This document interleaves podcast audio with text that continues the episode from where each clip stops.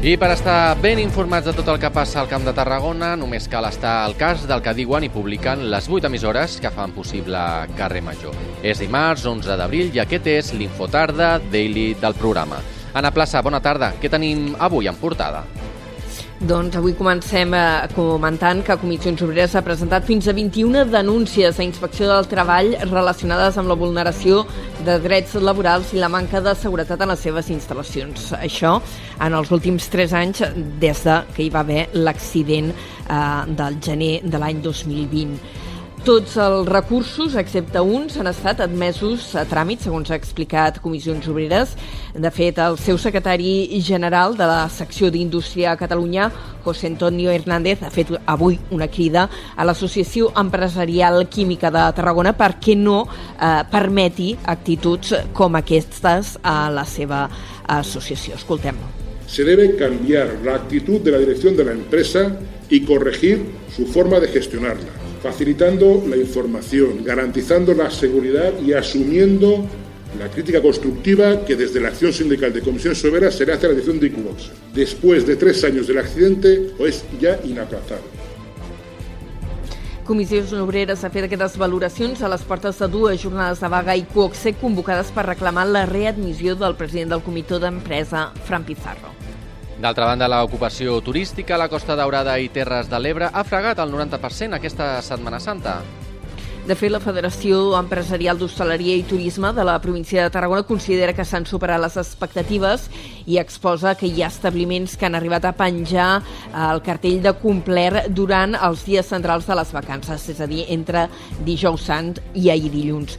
La presidenta de la FED, Berta Castells, ha destacat que el turisme familiar s'hi ha sumat l'esportiu, que està ajudant a desestacionalitzar l'activitat si volem desestacionalitzar, si volem treballar 365 dies l'any, el que hem de fer és buscar altres alternatives de, de producte.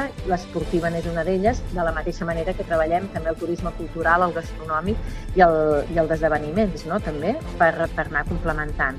Però en aquest cas, eh, i sense oblidar el turisme d'oci, que gràcies a PortAventura, que també fa una gran labor a la destinació, doncs ens ajuda a, a poder generar aquesta activitat turística tot l'any.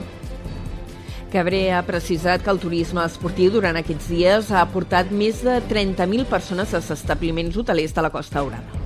Doncs de seguida entrarem en profunditat amb la nostra entrevista d'actualitat en una Setmana Santa que malauradament també ens ha deixat dues persones mortes a les carreteres tarragonines. El primer accident mortal es va produir dimecres sant eh, en una col·lisió frontal que es va produir a la carretera 221 a Batea, a la Terra Alta. El segon mort es va registrar dissabte a la Nacional 420 a l'altura de Tarragona arran d'un xoc lateral entre una moto i un turisme. El conductor de la moto, un jove de 17 anys, va morir en el sinistre. D'altra banda, un nen de 7 anys també va resultar ferit crític ahir diumenge, ah, no, més aviat aquest diumenge, ahir érem dilluns, en un accident de moto a Salut.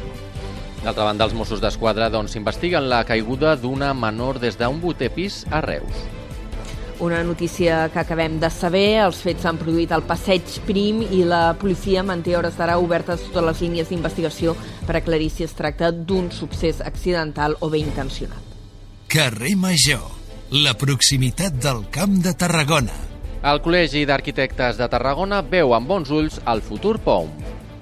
En una entrevista avui a Ràdio Ciutat de Tarragona, el seu president Jordi Romera ha manifestat que l'avantprojecte del nou pla urbanístic de Tarragona aborda els grans temes pendents a la ciutat, com la unificació dels barris o també la seva vinculació amb el riu Francolí. Per a Romera, a més, la intermodalitat entre els trens convencionals, l'alta velocitat i el futur tramvia serà clau per vertebrar el territori.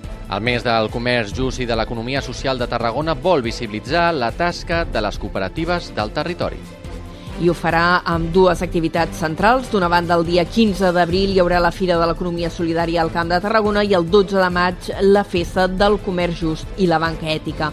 Els esdeveniments oferiran música, activitats familiars i representacions teatrals, entre altres propostes.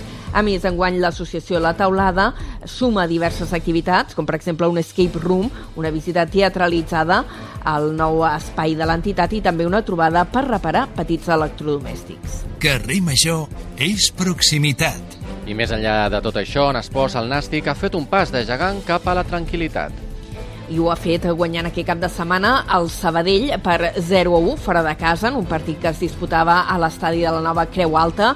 Els graners han aprofitat un gol en porteria pròpia de Carrion per endur-se els 3 punts d'aquest partit que deixen a l'equip en una situació molt tranquil·la, 8 punts per sobre del descens i ben a prop de poder segellar la permanència definitivament.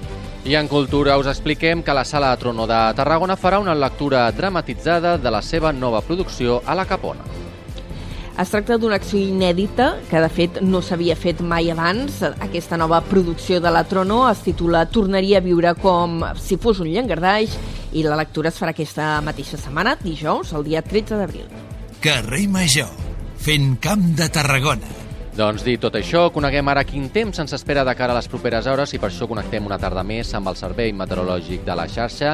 Lluís Mi Pérez, cel velat i prou. Molt bona tarda. Un temps força tranquil, el que estem tenint aquest dimarts i el que queda de jornada continuarà el cel només emblanquinat amb aquests núvols prims, aquestes esteles dels avions que van passant, però no són núvols que hagin de comportar ni tan sols ombra. Algun núvol baix una miqueta més destacable tindrem a la costa daurada, però seran poc importants en general. Pel que fa a la temperatura, torna a pujar força i, de fet, aquesta tarda ens acabarem plantant als 26-27 graus de màxima cap al sud del Segrià, cap a les Garrigues o cap a la Ribera d'Ebre.